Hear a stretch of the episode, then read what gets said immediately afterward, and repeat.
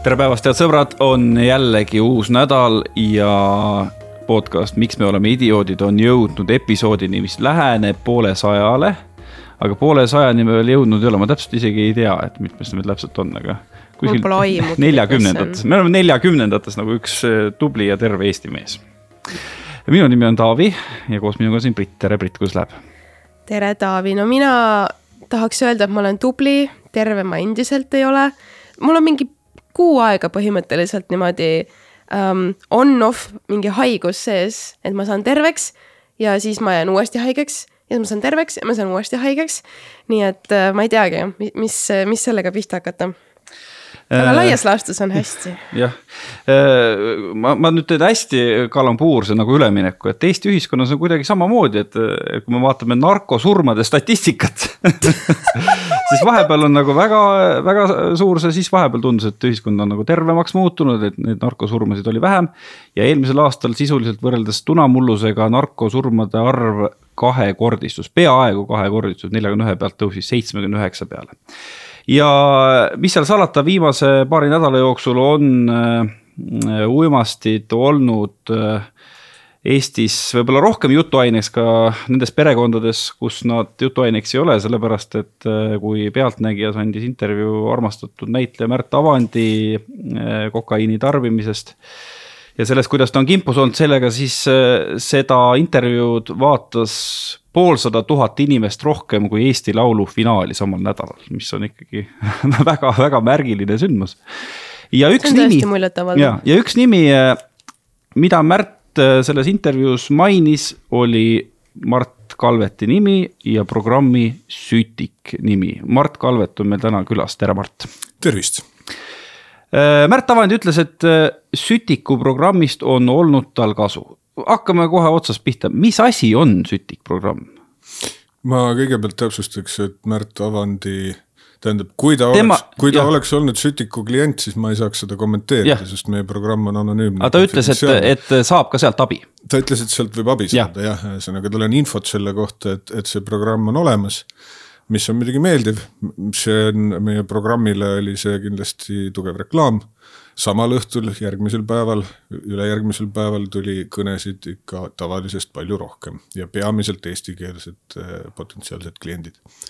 et meil on olnud kibe, kibe tööaeg tänu, tänu äh, tuntud inimese pihtimusele tahtsin ka täpsustada seda, et äh, uimasti suremus, suremus ei ole hea mõõdupuu äh, ühiskonna üldise tervise kraadimiseks mm. -hmm. et see sõltub nii palju, nii paljudest äh, teguritest, mis ei ole tingimata seotud ütleme siis noh, riigi või rahvuse heaolu ja käekäiguga, et need asjad, need asjad sõltuvad rohkematest teguritest. aga no kui me võtame. kui see, kui, kui hästi me ennast üldiselt kui võtame selle konkreetse valdkonna, siis äh, äh, no ma olen ka ajakirjanduses töötanud üle, üle kümne aasta ja kui äh, nagu kuidagi tehakse statistikat narkootikumide leviku ja, ja selle olukorra kohta meie riigis, siis noh, see on üks number, mida nagu välja käiakse.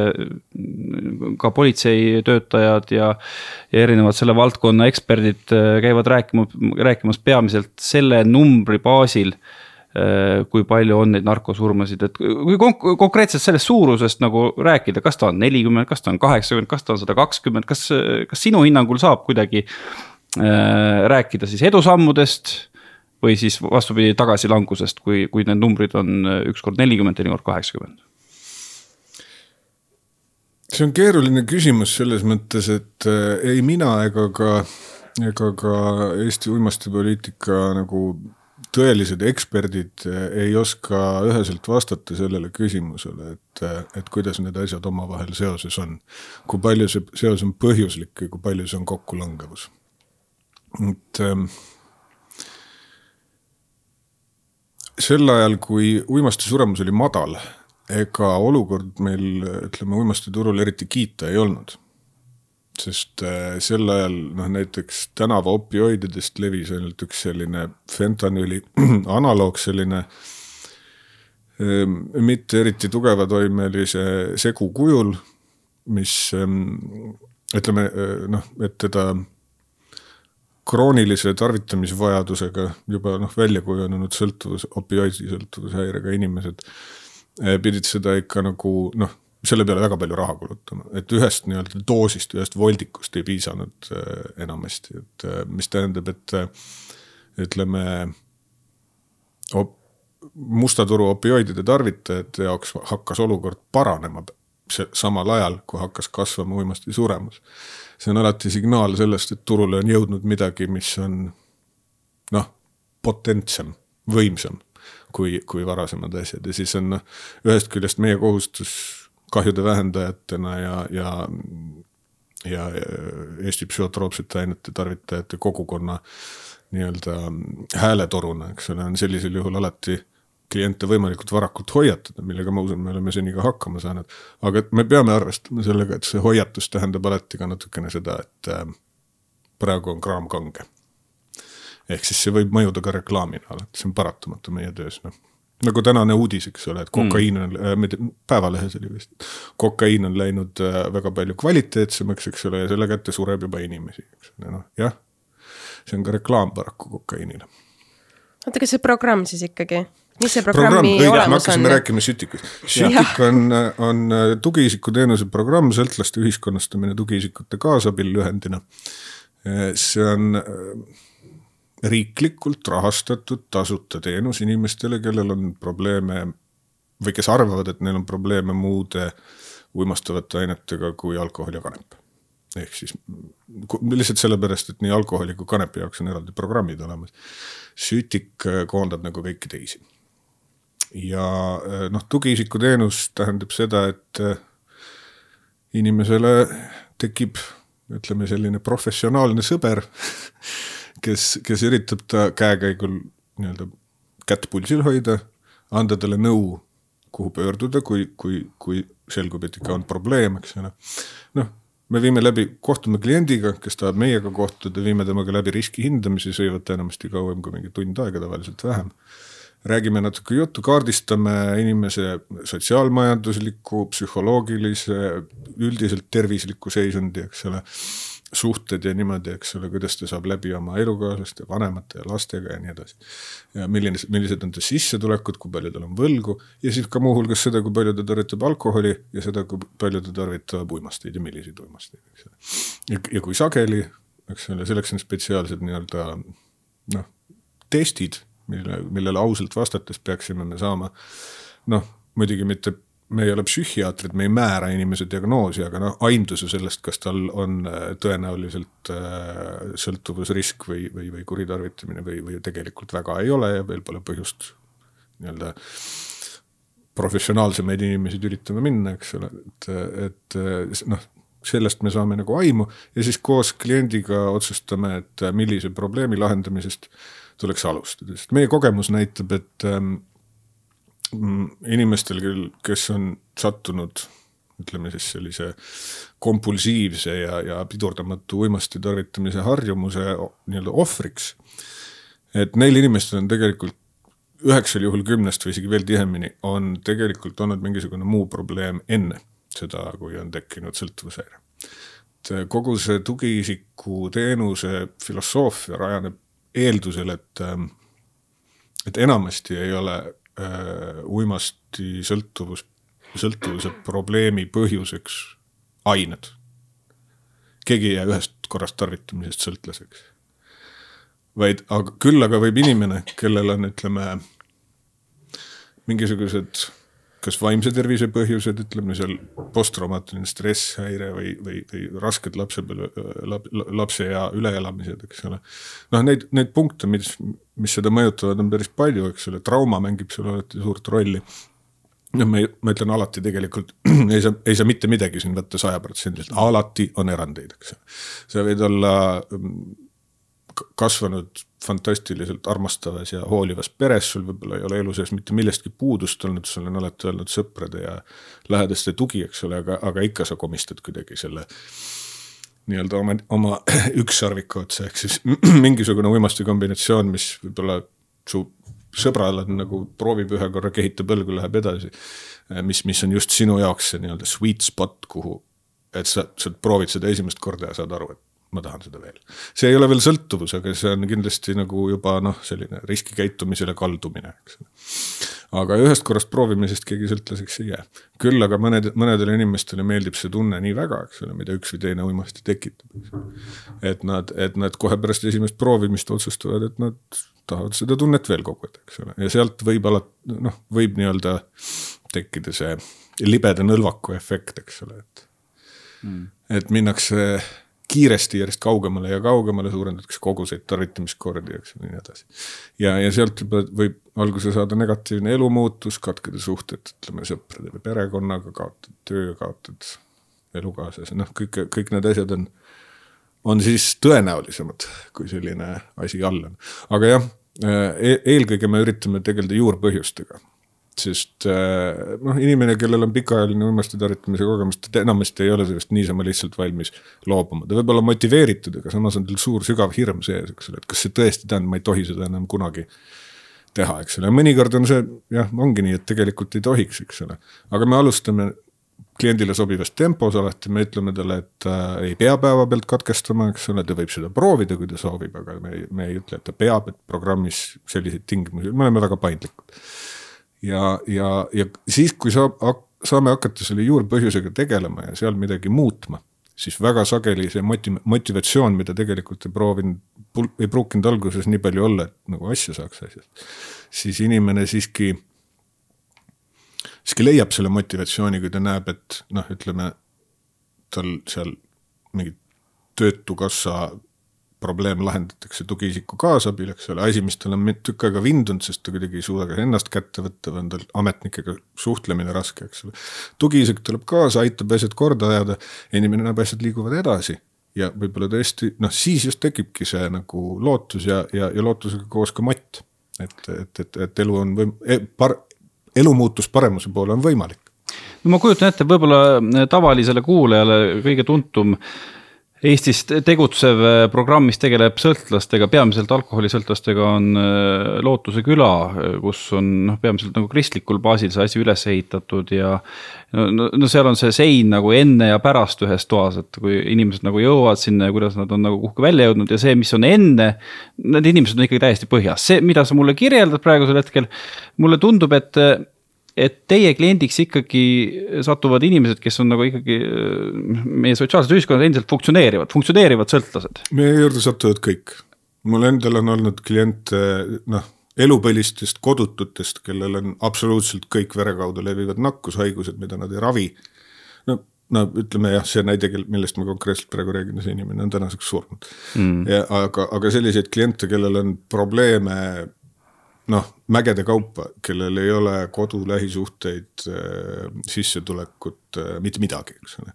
meil on selliseid kliente päris palju, aga meil on ka kliente, kes on noh, ütleme seal tipp-pankurid või, või, või suur, suurte ettevõtete juhatuses või niimoodi, eks ole, kes on, on, on väga heal järjel pealtnäha, eks ole, aga, aga, aga nii-öelda avalikkuse eest varjus on, on nad kimpus mingisuguse kompulsiivse käitumisega, mis, mis paneb neid nagu üha uuesti ja uuesti midagi tarvitama, mida tegelikult võib-olla juba, võib-olla juba enam ammu ei taha tarvitada. mis on need põhjused, mis toovad teie juurde inimesed, kes noh, endiselt nagu funktsioneerivad ühiskonnas, on ka heal järjel ja ja pealtnäha võib-olla isegi enda tuttavate lähedaste jaoks ei ole neil viga midagi. kust nad nagu leiavad enda sees selle, mis need põhjused on? mõned leiavad ise, et asi on üle kätte läinud, proovivad loobuda või katkestada ja siis leiavad, et see ei ole niisama lihtne, et nad vajavad kõrvalist abi.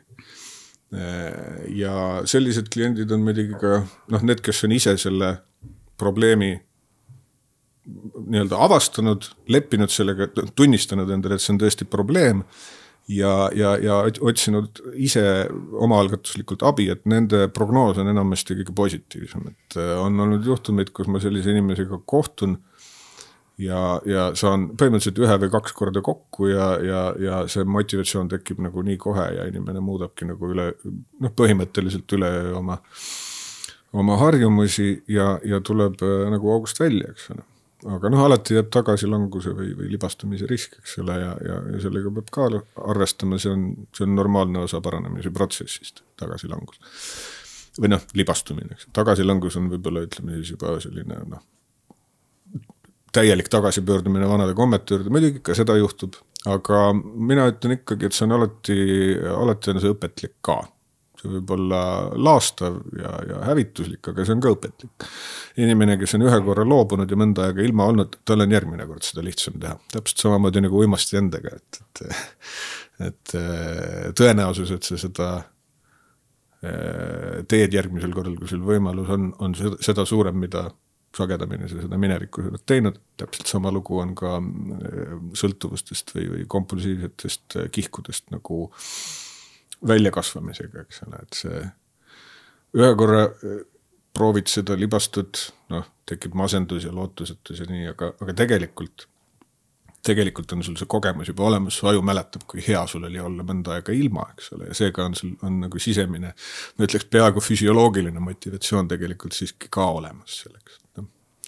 Ma ütleks, noh, kõige selle kokkuvõtteks on, on, on, on see on võib-olla natukene lihtsustus, aga minu meelest aitab see palju paremini mõista uimasti sõltuvushäire, üldse sõltuvushäirete olemust. kui, kui nende liigitamine äh, pöördumatuteks elupõlisteks mingiteks ajuhaigusteks, mis on üldiselt vist siiamaani veel psühhiaatrite konsensus, et, et, et sõltuvushäire on, on krooniline ja süvenev ajuhaigus, eks ole. Äh, selle asemel äh, on palju mõistlikum käsitleda sõltuvushäiret kui õppimishäiret. ühest, me, me ei tea teisi kroonilisi süvenevaid äh, ajuhaiguseid või üldse kroonilisi haiguseid, millest niisama lihtsalt välja kasvatakse. aga üheksa inimest kümnest sõltuvusest kasvab ise välja, ilma kõrvalise abita, eks ole. see on umbes sama protsent, mis äh, noorukeid paraneb äh, erinevatest äh, õppimishäiretest nagu koolis käimise jooksul, nad ei vaja tegelikult kõrvalist ravi, aga isegi mitte teraapiat, kuigi sellest võiks abi olla. Nad tulevad sellest ise välja, sellest häire ei jää neid terveks eluks saatma, täpselt sama lugu on uimastisõltuvusega. see ei, ei ole päris niimoodi, et, et ükskord sõltlane, alati sõltlane, täiesti võimalik on sellest välja tulla ja praktiliselt taastuda. ütleme, mis on, on need kogemused, mis sinuga jäävad, eks ole, su aju mäletab, mismoodi oli olla sõltlane, mismoodi oli olla tarvitaja. Ja ütleme, et need neuroniahelad, mille, mis, mis nagu soodustasid seda kompulsiivset sõltuvuskäitumist, eks ole, et noh, nad on, nad on mingisuguse muu meeldiva harjumusega asendamise teel nagu välja trikitud aga need, ütleme, nad võivad väga kiiresti sellesse eelmisesse konfiguratsiooni nagu tagasi minna, kiiremini kui normaalsel, noh, mis normaal, kiiremini kui inimesel, kellel pole sõltuvuskogemust, eks ole. aga see on suuresti nagu ainus vahe, mida ma näen, eks ole, et lihtsalt tuleb olla veidi ettevaatlikum edaspidises elus, aga see ei tähenda, et, et, et sa oled igast asjast jääd kohe sõltuvusse, kui sul ühe korra elus on olnud sõltuvusprobleeme. et paljud muud tegurid on seal, sealjuures muidugi ka olulised vabandust, jäin veidi, veidi rändima Õnneks meil on siin sihuke podcast, vaata, kus ongi täitsa vabalt võimalik rääkida väga ja. pikalt, nii ja. ja mul on kuidagi, ma ei tea, vaata näiteks kasvõi tulles selle Märt Avandi loo juurde, et ilmselt väga paljusid inimesi see šokeeris, et niivõrd edukas ja ikkagi tuntud, armastatud avaliku elu tegelane eh, on uimastisõltlane. aga võib-olla ma ei tea, mul on niisugune tunne, et ilmselt ka väga paljudel on endiselt mingi selline arusaam, et narkosõltlased on ainult mingisugused räämas vanamehed kuskil pimedates äh, tänavanurkades, kes eales nagu niimoodi avalikkuse ees eriti ei liigu. aga tegelikult ma saan aru, et ikkagi selliseid funktsioneerivaid sõltlaseid, kes on ka ikkagi väga edukad inimesed, on ka päris palju. absoluutselt, loomulikult see, mida, mida, mida sa kirjeldad, on nagu see noh, ütleme rent, rent, odaveenis, eks ole, rentslis vedelev eluheidik jah, seda nagu näeb ka, aga see on siiski nagu väga väike jäämäe, väga väike tipp. Äh, enamik inimesi, kes, kes sõltuvustega maadlevad, äh, saavad muidu ikkagi suhteliselt hästi hakkama omadega. ja noh, kui me siin arvestame ka sõltuvust ravimitest, mis võivad inimesele olla välja kirjutatud, eks ole, siis läheb see spekter veelgi laiemaks, et inimesi, kes, kellel on äh, kellel on oma kas siis ütleme seal ATH ravimiga või, või mingisuguse uuemat tüüpi depressiooniravimiga mingisugune selline ki, tavalisest kirglikum suhe, eks ole, või, või rahustitega nagu Xanax või Prosolaam. et, et neid inimesi on meie seas päris palju. et sellised normaalsed koduperenaised ja pereisad tihti nagu jah, nende lähedased ei pruugi sellest aru saada. täpselt, et sa vaatad inimesele peale ja sa ei ütleks elu sees, et tegemist on uimastisõltlasega. see on suhteliselt võimatu, jah.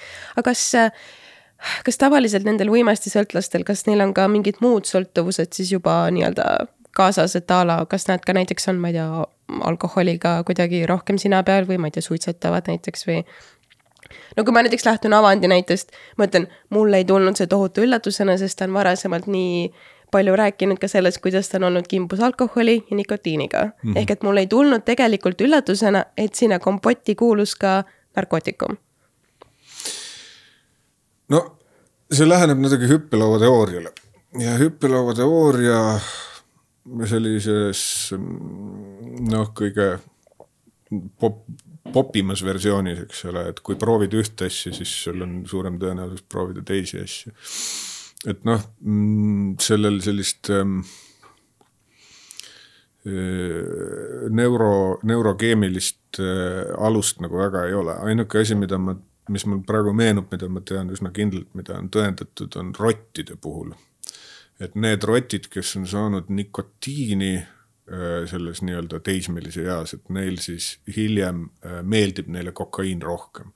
Kuna, äh, kuna nikotiin stimulandina on nii-öelda praiminud mingisugused neuronid ära niimoodi, et kokaiin, esimene kokaiini kogemus on selliste rottide jaoks meeldiv ja tõenäosus, et nad seda edasi tarvitama jäävad seal laboratoorses katses on mõnevõrra suurem. Kas seda saaks laiendada ka inimestele, ma ei ole päris kindel. Et noh, mingi mingi loogika seal on, et mõned ained võivad teha aju vastuvõtlikumaks mõnede teiste ainete positiivsetele mõjudele. Eh, ja teisest küljest on täiesti võimalik, et inimene, kellel on elus mingisugune nagu selline puudujääk, eks ole, kellel on kas, kas äh, meeleoluhäire või isiksuse häire või, või need rasked lapseea läbielamised või muu selline kompulsiivsust ja sõltuvuskäitumist soodustav taust, eks ole, et ähm, jah, võib-olla sellistel inimestel on oht millest iganes sõltuvusse jääda veidi suurem. ma oletan, minu kogemus nagu viitab sellele, aga samas ma tean inimesi, kes on hakanud keelatud uimasteid tarvitama puhtalt sellepärast, et neile ei, neile, neile ei meeldi ja neile ei mõju mitte kuidagi positiivselt alkohol näiteks. Nad tahaksid ka peol lõbutseda aga nad teavad, et nad lähevad äh, noh, jäävad nagu töntsiks ja rumalaks ja lähevad kaklema ja, ja nad ei taha alkoholi tarvitada, aga alkohol on siiski nagu ainuke lubatud mõnuaine meil, eks ole, noh. tubakat ei saa selleks hästi pidada, sest ta nagu ei tekita eufooriat või kaifi, eks ole. sõltuvusaineks küll. et, et sellist noh, et, et, et ma näen, ma näen mõlemat asja, et inimesi, et äh, uimastitega vahetevahel jäävad kimpu inimesed, kellele alkohol üldse ei meeldi ja kes otsivad uimastitest alkoholile aseainet. ja teisalt inimesed, kes noh, näiteks soovivad alkoholi tarvitamist vähendada ja hakkavad sellepärast näiteks pidudel hoopis tarvitama ekstasit, eks ole, et noh, see on selline väga kahe teraga mõõk, eks ole, et ma olen näinud inimesi, kes on tänu sellele tulnud sellisele mm, ohtlikule eksperimenteerimisele tulnud siiski nagu alkoholismi veerelt nagu tagasi ja, ja seadnud oma elu korda ja kellel ei ole probleeme, aga samas inimesi, kes noh, kes sellise eksperimenteerimise tulemuna lõpuks tarvitavad kõike segamini alkoholi ja aineid, eks ole, et noh. et tegelikult peaks selliseid eksperimente viima läbi, ütleme siis professionaalide Äh, järelevalve all, aga, aga noh, see on, see on tulevikumuusika, et no, ma ei usu, et, et niipea Eestis oleks, oleks valmis mõni arst näiteks äh, MDMA-ga hakka, hakkama ravima kellegi, kellegi alkoholisõltuvust no,. mujal on seda proovitud. karton, äh, ma ei taha jumala eest Märt Avandi juhtumisse kinni jääda, aga, aga ühe momendi ma tõstan sealt veel, sellepärast et kui pärast samal nädalal oli neid artikleid ja saateid hästi palju, mis lahkasid, siis noh, mulle kuidagi väga hinge läks Kuku raadio Keskpäevatund, kus edukad natuke vanemas keskeas ajakirjandusjuhid olid väga etteheitvad kogu selle ülestunnistuse suhtes ja, ja üks asi, mis sealt kõlas, oli ka see, et no inimene on nüüd kolm kuud on olnud nagu puhas ja siis kohe arvab, et tema võib tulla ja hakata siin seletama.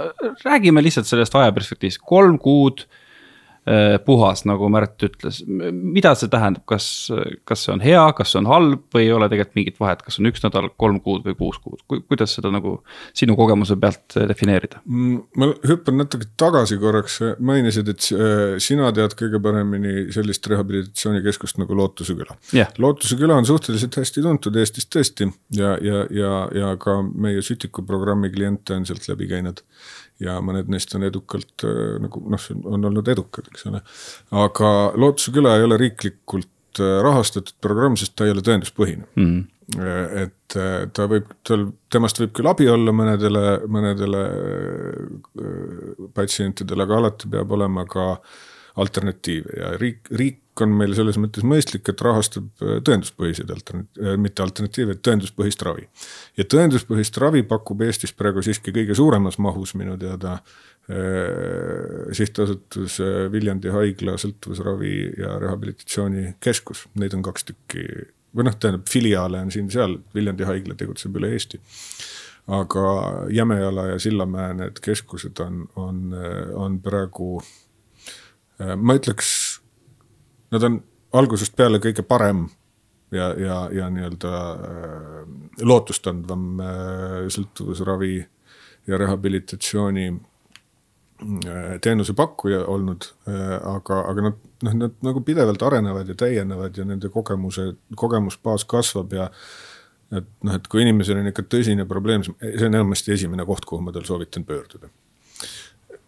ja seal kestab kestab see, noh, kõigepealt on kuu aega võõrutust, eks ole, noh, seda saab ka mitmel pool mujal, selleks ei pea Viljandisse minema, ka Wismari haiglast Tallinnasse, et teha kuu aega, noh neli nädalat või kolm nädalat võõrutust. sellest piisab, et saada üle nendest ähm, võõrutusnähtudest, eks ole. et pärast seda on inimene jutumärkides puhas, me küll ei, oma töös ei tarvita seda terminit, sest see annaks nagu mõista, et inimene, kes uimastit tarvitab, on räpane, noh, et aga jah, eks nende suhtumise muutmine nõuab nagu keele muutmist ja see kõik võtab aega, eks me tegeleme sellega. aga tulles tagasi nüüd selle äh, küsimuse juurde, eks ole, kaua see kestab ähm,. ma tean, et äh, no näiteks stimulantidest võõrutus Viljandis võib kesta neljast kuust kuni noh, nii kaua kui läheb, eks ole, enamasti palju üle aasta inimesed seal ei, ei viibi, aga on, on neid, kellel läheb see programm raskemalt, eks ole. Opioidsõltuvuste ja, ja mõned, mõnede ravimissõltuvuste puhul see on pigem nagu on kõigepealt see üks kuu ja siis võib-olla seal mingi seitse, kaheksa, üheksa kuud, mõnikord aasta, mõnikord rohkem, eks ole on, on selge, et praktikas ei ole see paljudele, kellele see teenus vajalik oleks, ei ole see võimalik, sest neil on töö, pere, kohustused, nad võib-olla ei soovi, et, et teised inimesed teada saaksid ja, ja neil ei ole võimalik pöörduda pikaajalisele rehabilitatsiooniteenusele. et noh, ütleme, et see on, see on nüüd äh, selline taust Mm -hmm. et umbes nii läheb, nii kaua on see tõenduspõhine ravi, pärast mida, mille edukat läbimist siis inimene peaks olema noh, mitte enam sõltuvushäirega, eks ole, või vähemalt noh, akuutsest probleemist nagu vabanenud, eks ole. see ei tähenda, et äh, järgmine päev ei, ei, ei pruugi minna aineid otsima, eks ole. et seal isiklik motivatsioon on siiski väga oluline, ütleme, kui inimene on läinud äh, kohtumääruse või, või prokuratuuri suunamisega sinna, eks ole. või selleks, et vanglast ennetähtaegselt vabaneda, kui tal tegelikult ei ole nagu teema vastu erilist huvi, eks ole, isiklikku sisemist motivatsiooni. ega ta siis ei, ei, ei pruugi, noh ei pruugi sellest programmist tal abi olla, eks ole. nii nagu noh, meil siin kunagi, kui Reinsalu oli, oli veel äh, vist äh, kas sise- või justiitsminister, kui ta äh, kiitles, et Eesti vanglasüsteem on kõige suurem sõltuvusravi süsteem Eestis, eks ole, teenindab kõige rohkem sõltuvusravi patsiente. et noh, tehniliselt oli tal õigus, eks ole, aga praktikas see tähendab noh, praktikas need nii-öelda seal noh, kinnipidamise ajal nende aastate jooksul, mil neid karistati vanglas, eks ole, äh, läbisid küll ka sealseid programme, aga noh, nad väljuvad vanglast ja, ja samal õhtul on, on süstal veenis ja kuna vahepeal on tolerants nulli läinud, siis, siis on inimene surnud, eks ole, et noh, et äh, me ei saa, me ei saa nagu kiidelda tegelikult, et ähm, haigla sõltuvusravisüsteem toodab nagu patsiente, kellest kellel ei oleks sõltuvusprobleeme, et noh, väga palju seda mõjutab seda, mismoodi seda pakutakse, eks ole, ja kui see on ikkagi peale sunnitud või, või, või nii-öelda noh, ilma, ilma inimese enda sisemise motivatsioonita, siis ta pahatihti ei ole kasulik. aga päris sageli inimesed leiavad selle motivatsiooni kuskil poole tee peal pärast esimest või teist libastumist või, või tagasilangust, eks ole, et, et siin mingit raudreeglit ei ole, ma lihtsalt mulje on jäänud selline viimasest viie, viimase viie aasta jooksul Citicus tehtud tööst mm. -hmm. ja ka sellega ma olen nõus, et, et tähendab see kajastus, eks ole, see, mismoodi on reageerinud mõned ähm, ma ütleksin, mõistmatumad või, või, või mõista mitte soovivamad äh, äh, nagu inimesed ja organisatsioonid, eks ole, kasvõi see keskpäevatund, millele te viitasite. et äh, jah, see on probleem, me teadvustame, me äh, just eile kirjutasime alla, homme hommikul peaks see meie MTÜ Lunest kodulehel ilmuma, eks ole. Äh, Euroopa uimastitarvitajate katusorganisatsiooni seisukohavõtt äh, selle mm, siseasjade kantsleri äh, või tähendab äh, ülemvoliniku Ylva Johansoni hiljutised äh, väljaütlemised ja, ja, ja Belgia äh, siseministri, kelle nimi mul praegu meelde ei tule, kes Antwerpeni sadamas antud äh, pressikonverentsil rääkisid täitsa sirge näoga sellest, et uimasti tarvitajad on süüdi selles, et äh, organiseeritud kurjategijad tapavad inimesi kuskil seal Hollandi või Belgia tänavatel, eks. seal oli hiljuti mingi juhtum, kus üheteistaastane tütarlaps tulevahetuses üldse mitte sihtmärgina, vaid lihtsalt süütu pealtvaatajana hukkus, eks ole, ja need olid narkogängid, eks ole. aga noh, minu meelest peab ikka eriti eriti mõistmatu või, või, või eriti empaatia puudega olema, et, et mitte aru saada, et kuritegelike organisatsioonide eh, tegevuse süüks ei saa panna tarvitajaid. see on kehva uimastipoliitika tulemus. Mm.. selle, selle, selle eest on vastutavad needsamad poliitikud, kes, kes üritavad seda meiesuguste peale veeretada, see on absurd. No täpselt seesama Keskpäevatunni saade, hiljem oli ju Postimehe äh, suure, suure meediaorganisatsiooni esiküljel uudis, äh, kus Postimehe peatoimetaja naeratab ilusasti ja, ja, ja siis all on Keskpäevatunni ajakirjanikud, Märt Avandi on kümme aastat toetanud äh, Eesti all ilma kuritegevust. jah, kohutav see on ju täielik no, jama. ja no õnneks on Postimehe all ka näiteks selline, selline mm, ülitus nagu Üpsilon, mille, mille hiljutine uimastipoliitika ja valimiste teemaline kolumn oli minu meelest suhteliselt nagu edumeelne, et kuigi seal nende sõnavara on võib-olla selline natuke niimoodi geto ja gangsta, eks ole, siis point, et, et kuulge, inimesed, tulge mõistusele, et me oleme, me oleme sada aastat proovinud karist-, keelata ja karistada ja tulemused on ikkagi jälle noh, ainult nagu, et meil pole kunagi olnud rohkem paremaid ja kvaliteetsemaid ja odavamaid uimasteid ajaloos, eks ole. et, et ilmselgelt see ei tööta, midagi peaks muutma, noh. no mida peaks muutma siis? noh, võib-olla peaks äkki tarvitajate karistamise äh, nagu ümber vaatama. üks näide kasvõi noh, tähendab, siin on ka meie karistussüsteem praegu uimast, mis puudutab uimasti karistusi, on tegelikult muutumas, noh, me valdkonnas üle kahekümne aasta nagu sees olnud selles mõttes, et noh, et ühest alguses kõigepealt nii-öelda uimasti poliitika vaatleja ja kommenteerijana nüüd ka ise, eks ole, tugiisiku ja ja MTÜ juhatuse liikmena, eks ole, ma näen Äh, ma siiski näen mingisugust muutust ja see muutus on, on meile soovitud suunas, eks ole. kolm sammu edasi, kaks tagasi, aga siiski õiges, õiges nagu suunas, kurss on õige. ja ma usun, et, et me siin lähi, noh, ka Eesti uimasti, riiklik uimastistrateegia aastani kaks tuhat kolmkümmend, see niinimetatud valge raamat, eks ole. ka see ähm, nagu soovitab äh, üle vaadata äh, need äh, nii-öelda oma tarbeks äh, kasvatajate ja tarvitajate karistamise aluspõhimõtted, eks ole, et noh, meil praegu on küll jah, uimasti tarvitamine on dekriminaliseeritud vist juba kahe tuhande viiendast aastast, eks ole, aga need kogused ei ole eriti loogilised. seadus väga laialivalguvalt, eks ole, ütleb, et karistatav on uimasti kogus, millest piisab kümne või enama täiskasvanud keskmise kodaniku joovastamiseks, eks ole ja need kogused on nagu kohtupraktika käigus välja tulnud, need ei ole kusagil otseselt avalikes dokumentides kirjas, aga kui me vaatame kohtulahendeid, siis me näeme, et jah, et kanepi puhul seitse ja pool grammi, ütleme regulaarse tarvitaja jaoks, kes ei tee, ei tarvita korraga palju, aga tarvitab igapäevaselt, on seitse ja pool grammi on kuuaja kogus, eks ole. Sellest saab väga palju rohkem kui kümme inimest kaifi aga mingisugune ekspert, noh ilmselt koht, Eesti Kohtuekspertiisi Instituudis on kuidagi mingid parameetrid paika pandud, et vot nii palju kanepürti on, on kümnele inimesele piisav, mitte, mitte enamale, eks.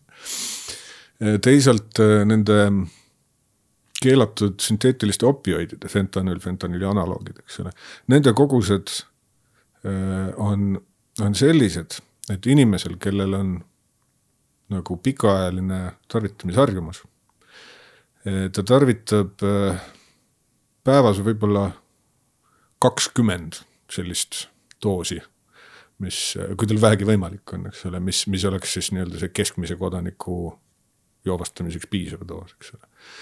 ehk siis meie, meie uimastiseadused on praegu sellised, et sellise, sellises situatsioonis olev inimene selleks, et nii-öelda püsida radari all et mitte, mitte kand-, et ta ei omaks korraga rohkem kui kümmet annust, eks ole.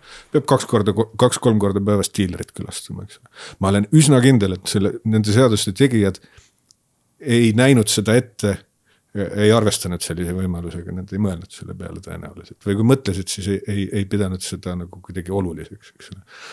aga aga uimastiseadused, mis, mis ähm, suunavad inimesi tihedamini suhtlema diileritega, on, on halvad uimastiseadused, eks ole. no meil on ju hetkel praegu niimoodi, et et viimastel aastatel on äh, ikka kogu aeg olnud valitsuses kas äh, väga konservatiivne jõud või üks konservatiivne jõud, kes tahab nagu, nagu näida väga konservatiivsena, et. Äh, et sa, sa ütlesid, nagu me kogu aeg liigume, aga mis sa arvad, kas me nagu liigume edasi või me jääme kuhugi taha kinni, sellepärast et noh, et isegi, väga... isegi liberaalsed jõud ei julge seda välja öelda, et me võiksime kuidagi neid asju üle vaadata, sellepärast see on no-no teema, pigem ärme puuduta seda mm,. no meil, meil on olnud üks äh, pigem vasakule kaldu partei, mis, mis on äh, valitsuses viibimise ajal on, sel ajal, kui nemad on valitsuses olnud, on meie sektorit, meie sektori rahastus tõusnud, eks ole, ja ja, ja tehtud ähm, huvitavaid positiivseid pilootprojekte, eks ole, mis on hiljem kasvanud äh, sellisteks nagu noh, püsivateks teenusteks, eks ole, kasvõi seesama sütik. Äh, või naloksooni projekt, eks ju, naloksooni programm. et äh, need ma ütleks, et noh, et need, ma olen väga tänulik neile poliitikutele, eks ole, aga, aga kuni, sest nad rahastavad õigeid asju ja on õige asja poolt, eks ole, ja meie praegune Tallinna öölinnapea, eks ole, et kes, kes on nagu kahe käega poolt ööklubi ja, ja peokahjude vähendamisele nii-öelda õlga alla panema ja toetama neid suundi, eks ole, et see on, see on kiiduväärne. no see aga ongi, jah, jah, see ongi suurepärane, aga ütleme nii, et öölinnapea partei ehk siis sotside olukord ka Tallinnas on selline, et Kõlvartil üks päev on paha tuju ja ta viskab need sotsid välja ja ongi kõik. jah ei, seda muidugi ja, ja ma ütlen noh, et, et ega sotsid ju ka tegelikult äh, süsteemset muudatust ei poolda et sotsid vähemalt oma ametlikus programmis ja nende ütleme juhtfiguuride väljaütlemistes me ei näe üleskutseid uimastituru reguleerimisele. mis noh, mis minu arvates on igati loogiline uimastikahjude vähendamise meede. me võimaldaks nagu kontrollida kvaliteeti ja eh, seada vanusepiiranguid ja, ja, ja muid selliseid noh, nagu, nagu, nagu alkoholi või ravimite või tubaka puhul, eks kas uimastid peaksid mingilgi määral olema legaalsed siis? Äh, legaalsed on nad niikuinii, selles mõttes, et äh, mis tahes aine hankimiseks on legaalne viis olemas võib-olla sa pead hakkama, võib-olla sa pead selleks, et seda ainet saada, asutama laboratooriumi, äh, taotlema keelatud ainete käitlemise loa ja, ja, ja, ja siis saad, eks ole, eks ole, aga need, ütleme, legaalsed variandid on olemas, eks ole, ravikanepit võib välja kirjutada iga perearst. mitte, et nad seda teeksid, aga põhimõtteliselt nad saaksid, kui nad tahaksid. et, et kõik uimastid on mingil määral legaalsed. iseküsimus on see, et noh, et, et kus on see legaalsuse määr, mis on ühiskonna jaoks kõige optimaalsem. ja ja see noh, minu seisukoht on, et see on selline, see on selline kaussi kõver, eks ole, kus ühes otsas on Eh, horisontaaltelje eh, ühes otsas on mm, siis eh, totaalne keelustamine, teises otsas totaalne vaba turumajandus ilma igasuguste piiranguteta. ja kui püstteljele panna nagu ühis-, ühiskonnale tekivad kahjud, eks ole, siis, siis moodu-, siis tuleb selline kena, kena lohuga kaussi, kaussi kõver, kus siis täpselt seal keskel, ehk siis range regulatsiooni tingimustes, eks ole. kus kõigile täiskasvanutele, kes soovivad, on kõik ained mingitel tingimustel kättesaadavad. aga mitte, mitte nii, et sa noh, lähed ostad, ma ei tea, R-kioskist või, või leivariiulil on, on, on sul mingisugune uimasti seal kõrvuti, eks ole. tavalise toidukaubaga, vaid, vaid tuleb läbi vaadata, ütleme kõigepealt adekvaatselt hinnata turul liikuvate uimastite reaalseid ohtusid noh, et, et kui ohtlikud need tegelikult on. ja ütleme noh, kusagil. ma ütleks mingi viis erinevat äh, sellist raskusastet, sellest peaks nagu piisama, eks ole, kus siis kõige, kõige raskem on see, mida tõesti saab ainult siis kas, äh, kas retseptiga või, või, või nagu safe supply programmi äh, kliendina safe supply meil Eestis praegu puudub selle kohta, isegi termin puudub selle kohta, aga põhimõtteliselt tähendab see nagu Kanadas ja, ja USA-s on seda siin-seal nagu eksperimenteeritud sellega. ehk siis inimesed, kes on, on, ähm, on äh, mingisugusest keelatud uimastist sõlt-, nagu sõltuvuses ja ei ole huvitatud selle sõltuvuse lõpetamisest. et neile võimaldatakse nii-öelda mittemedikaliseeritud võima-, mudel, mudelit, mille kaudu hankida siis äh, kontrollitud kvaliteedi kanguse puhtusega seal kokaiini või heroiini. et äh, noh, et, et äh, mis iganes uimasti jaoks on olemas sobiv kontrollimehhanism, eks ole, mis, mis, mille piires ta on siiski kättesaadav neile, kes seda tahavad täiskasvanutele, eks ole. ja, ja teises otsas siis võib-olla mingisugune selline kohv, kohviku või, või, või, või, või äh, energiajoogi müügi selline mudel, eks ole, et noh, laps sealt kätte ei saa, aga iga täiskasvanu ilma retseptita saab kätte, et noh, et kusagil seal vahel on, on olemas iga uimaste jaoks äh, sobiv äh, reguleerimismudel. No sa oled seadustega ilmselgelt päris hästi kursis, võtame kasvõi selle Päevalehe näite, et, et kokaiin on läinud äh, kangemaks, ehk siis on äh, oht üledoosiseks. ütleme nii, ma olen selline pühapäeva tarvitaja, ma olen saanud ühe grammi kokaiini kuskilt, nüüd loen seda Päevalehe lugu, kurat, on läinud kangemaks Läheksin politseisse selle grammiga, nii, ma tahaks teada saada, kas keegi teeks mulle selle ekspertiisi ära, et, et kas ta on siis nagu kange või ta on mingi solk või midagi sellist, mis minust edasi saab? See politseisse ei ole vaja pöörduda, selleks on meil Eesti Kohtuekspertiisi Instituut. nii, lähen sinna, mis sinna võib, sinna võib iga inimene viia analüüsimiseks ainet, öelda, et ma tahan teada, mis see on, maksta seal kokkulepitud summa. saan selle kokaiini pärast tagasi ka? ei saa ei saa, esiteks äh, enamik analüüsimeetodeid on sellised, mille käigus proov hävib. Äh, ja, äh, ja kui EKEI kohtuekspertiisi instituut tuvastab äh, keelatud aine proovis, siis nad on kohustatud sellest politseid teavitama ja politsei automaatselt peab alustama menetlust. ma olen MTÜ või tähendab osaühingu Reagentuur esindajana oleme me noh, me üritame praegu saavutada sellist kokkulepet politseiga kus nagu seadusi muutmata saaks ehk ära korraldada selle, et näiteks kui läbi meie organisatsiooni tuleb proove case, et siis neil ei ole kohustust sellest äh, või tähendab, et noh, et politsei muidugi see on vajalik, et politsei saab teada, mis seal proovis oli, eks ole. aga et politsei ei alusta menetlust, sest nad teavad, et noh, et see on rahva tervise huvides ja kahjude vähendamine, eks Äh, aga jah, praegu see on nagu takerdunud mõnede juriidiliste nüansside taha, sest, äh, sest jah, see tähendaks ikkagi, et meie töötaja sellisel juhul käitleb keelatud ainet, isegi kui see on mingi kotipõhi, millest nagu kaifi ei saa, eks ole, on see ikkagi.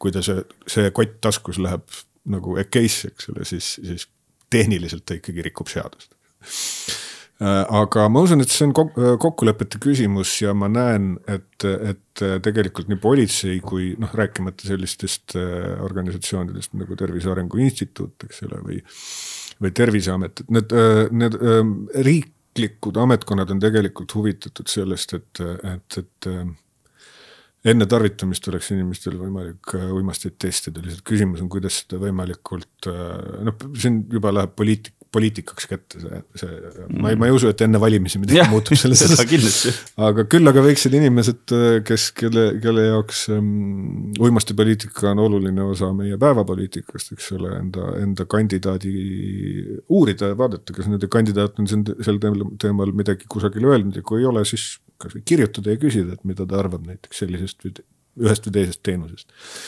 tarvitamise eelset testimist ähm, väga primitiivsete vahenditega, ehk siis ähm, reagenttestidega, me oleme äh, sellises äh, noh, äh, põrandaaluses eksperimentaalses kontekstis oleme katsetanud kaks aastat ühel sellisel kutsetega suvefestivalil, mis kusagil seal kesksuvel paika on. oleme käinud ja noh, ähm, no väga rangelt kontrollitud keskkonnas selles mõttes, et või noh, tähendab, meil on selline protseduur, kus me näitame inimesele ette, kuidas ta saab seda testi teha, aga me ise ei puutu tema ainet, näitame ette, kuidas teha, siis inimene teeb nagu meie eeskujul selle testi. ja siis ta saab, saab teada, kas see aine sisaldab seda, mida ta lootis, et see sisaldab, kui ta selle ostis või ei sisalda, eks. ja siis me saame vastavalt sellele tulemusele saame inimest nõustada selgitada teda, selgitada talle, millised on ohud, olgu see siis, olgu see see aine või mingi teine aine, eks ole, et, et ta, et ta oleks võimalikult, et ta tarvitajana oleks võimalikult informeeritud teaks, kuhu pöörduda, kui tekivad probleemid, kuidas käituda, kui, kui äh, hakkab halb ja nii edasi, eks ole, või kui sõbral hakkab halb, et, et äh, noh, põhimõtteliselt tulge, tooge meie juurde ja aitame, aitame inimese sealt äh, alla, kuhu ta parasjagu sattunud mm. no mul lihtsalt tekkis ma olen selle üle kuidagi alati juurelnud, sest et ma ei tea ise sellest maailmast mitte midagi, ma ei ole narkootikume kunagi teinud, aga ütleme nii, ühel maagilisel päeval min-, millegipärast tahaks äh, tohutult nagu proovida, on ju, ongi, ma ei tea, siis ma saan aru, et kõik ained tegelikult on väga lihtsasti kättesaadavad. aga kuidas see päriselt välja näeb, see ei ole ju see, et ma lähen kirjutan Google'isse kokaiin Tallinn, on ju, või noh, et kuidas see päriselt siis käib mm,? Sa pead kas tundma inimest, kes on valmis käima oma diileri juures ja vahendama sulle või sa pead tundma mõnda diilerit. või sul peab aga olema. ma ei tunne neid. no kui sul, siis sul peab olema nutitelefon ja, ja krüptitud äh, suhtlusrakendus. ehk siis selliseid äh, Telegrami gruppe ja, ja Signali gruppe, kus ähm,, kus põhimõtteliselt see äri käib, eks ole, noh, neid, neid meil jagub. jällegi politsei on ise tunnistanud äh, mitmel, äh, isegi mitu korda, et noh, et põhimõtteliselt on see üheks põhjuseks, miks nii suur osa uimastijärist, eriti noort, noorukite uimastijärist on kolinud internetti ja nendesse ligipääsmatutesse krüpteeritud kanalitesse, eks ole, ongi politsei hea tegevus tänavadiilerluse piiramisel, eks ole. et meil ei ole Eestis, ma ei tea, et oleks selliseid nurgapealseid, kus kellelegi nagu pakutakse mm., et härra-proua ehk soovite aineid, eks ole, et noh, nii nagu Ameerika filmis, eks ole, seitsmekümnendate pronksis meil, meil need asjad ei käi, eks ole. vähemalt ma ei ole väga ammu midagi sellist näinud. aga, aga noh, ütleme, oleneb, mis aineid sa tahad. et kui sa lähed, lähed teatud muusikapeole ja ninaga õhku tõmbad, siis sa, siis sa võid päris kiiresti leida inimesi, kes on nõus jagama oma kanepit sinuga mingitel tingimustel, kas lihtsalt pakkuma või, või, küsib selle eest raha, eks ole. kui sa lähed mingisugusele sellise kõvema tümmi ja elektroonilisema muusika sõprade peole, siis, siis üsna varsti näed sa võib-olla mõnda meest, kellel nagu nagu öeldakse, lõug, lõug sõidab, lõug, lõug, lõug sõidab jah mm. -hmm. et, et, et kui on sul kange uimasti huvi, siis sa võid sellise inimese õlale koputada ja küsida, et ega ta ei tea, kust saab mitte, et ma midagi sellist sooviksin, aga lihtsalt, et see ei ole väga keeruline. et kui sul see tahtmine ikka väga suur on, sa nuputad selle välja, kust, kust saada. Õnneks ei ole siiamaani olnud nojah, kui, kui ei ole proovinud, siis ei ole ka nagu põhjust, eks ole, et noh sa ei tea, millest, millest sa ilma jääd mis on, mis on positiivne, mis on positiivne jah. mitte, et me siin midagi reklaamiks on ju. jumala pärast, ei, ei ähm,, tähendab peaaegu alati kaasneb see, ütleme nii. Ma olen seda võrdlust varem ka kasutanud, aga minu meelest see nagu töötab, et ähm, äh, mis tahes äh, taju muutva ainega suhte alustamine on, on ähm, umbes sama see peab olema sama hästi kaalutletud kui äh, lemmiklooma võtmine, võtmine.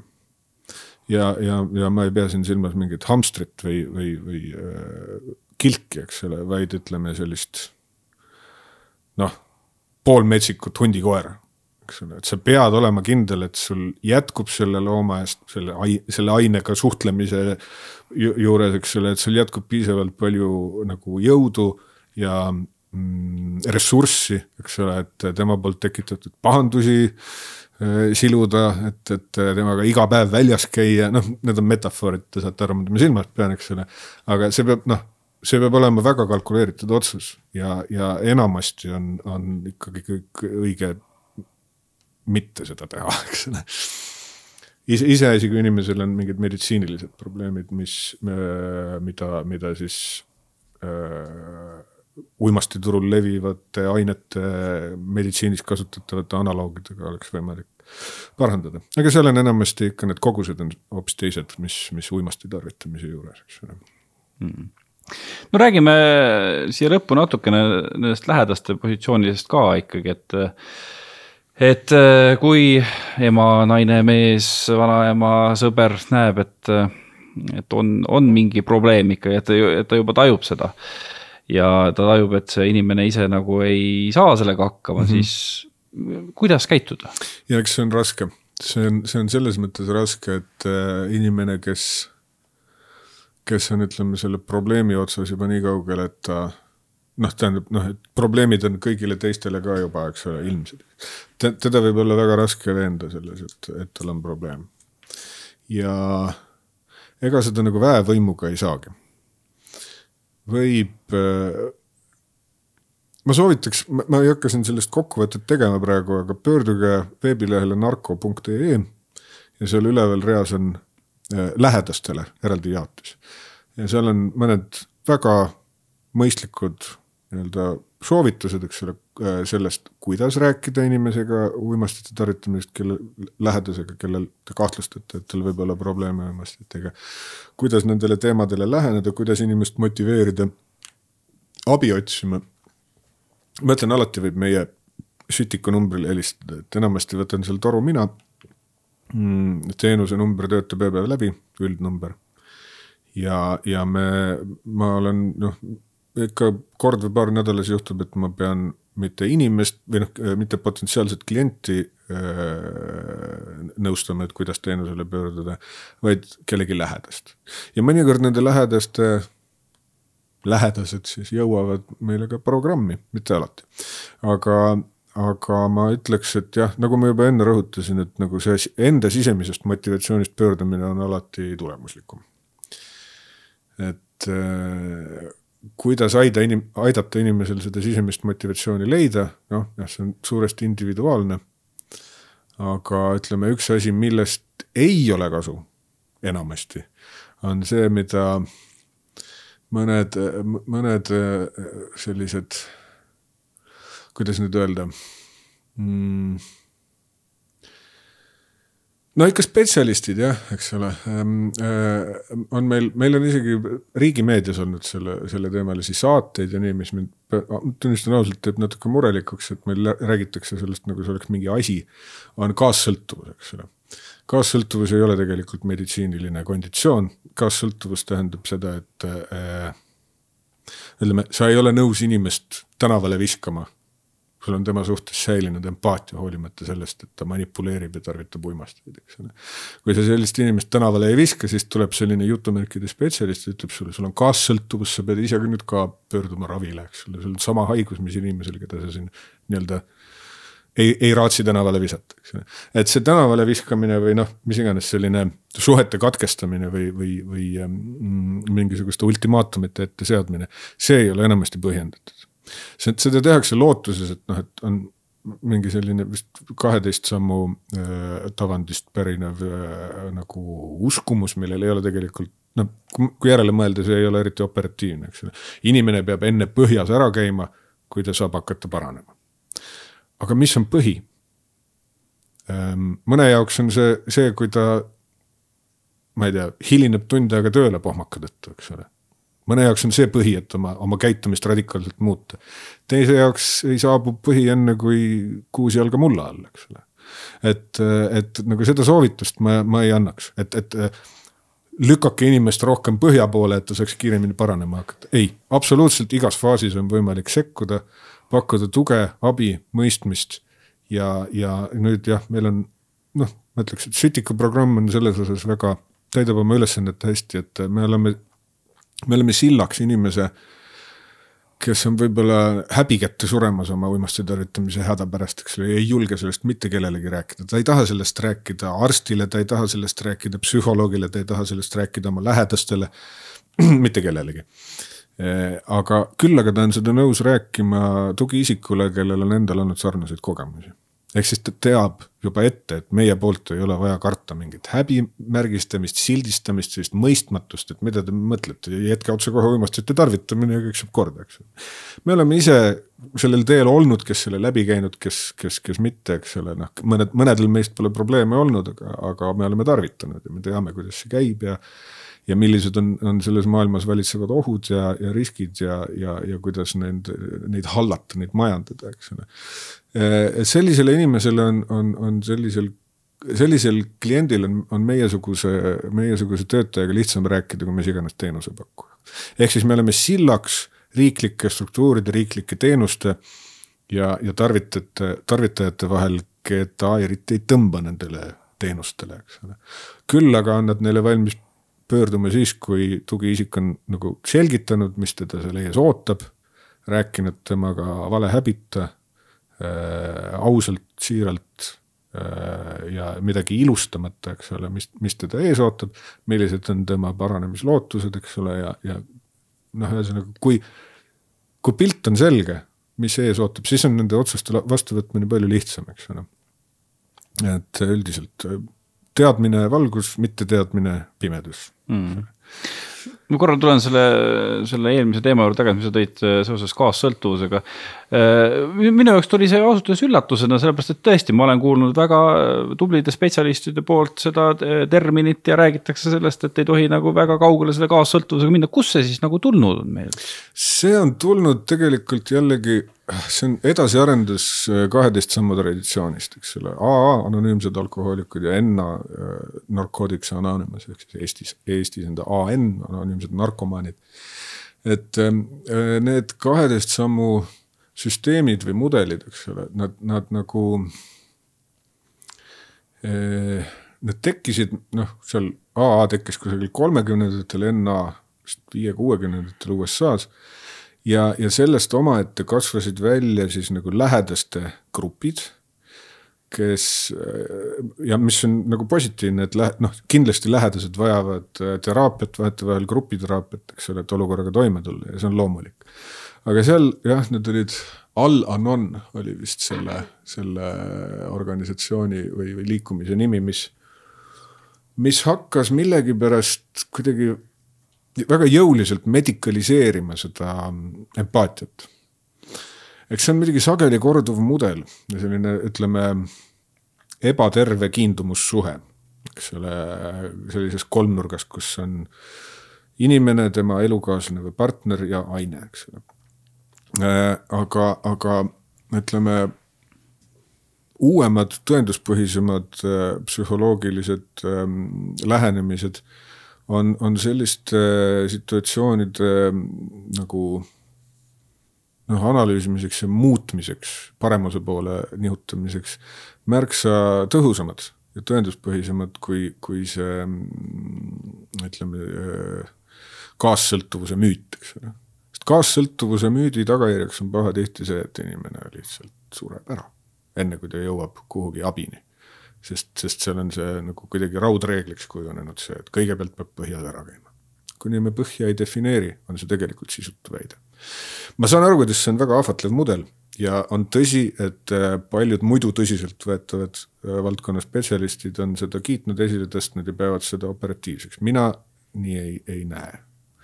et ma usun, et, et keerulisi toksilisi kiindumussuhteid, ebakindlaid äh, või, või selliseid äh, distantseerivaid äh, lähisuhte äh, mis on nagu kõigile osapooltele pigem kahjulikud, et neid saab muuta muud moodi kui, kui äh, kõige, kõige nagu rängemate meetmetega nagu noh, su-, suhete lõpetamine ja, ja inimese, inimesega kontakti igasuguse suhtluse nagu peatamine, nagu öeldakse, tänavale viskamine.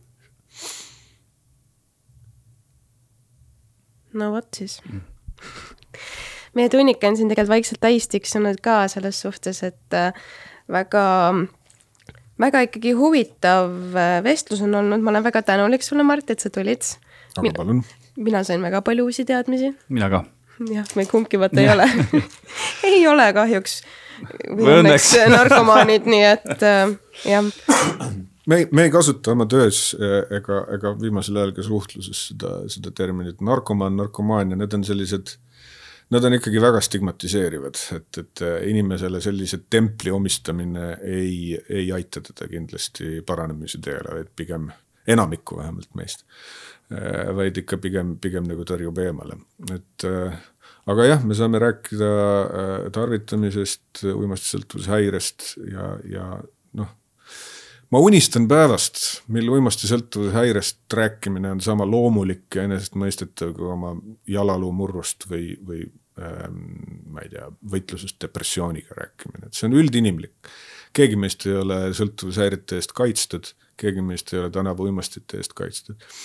et äh, nagu äh, me vajame pragmaatilisemat äh, uimastipoliitikat, kui meil praegu on.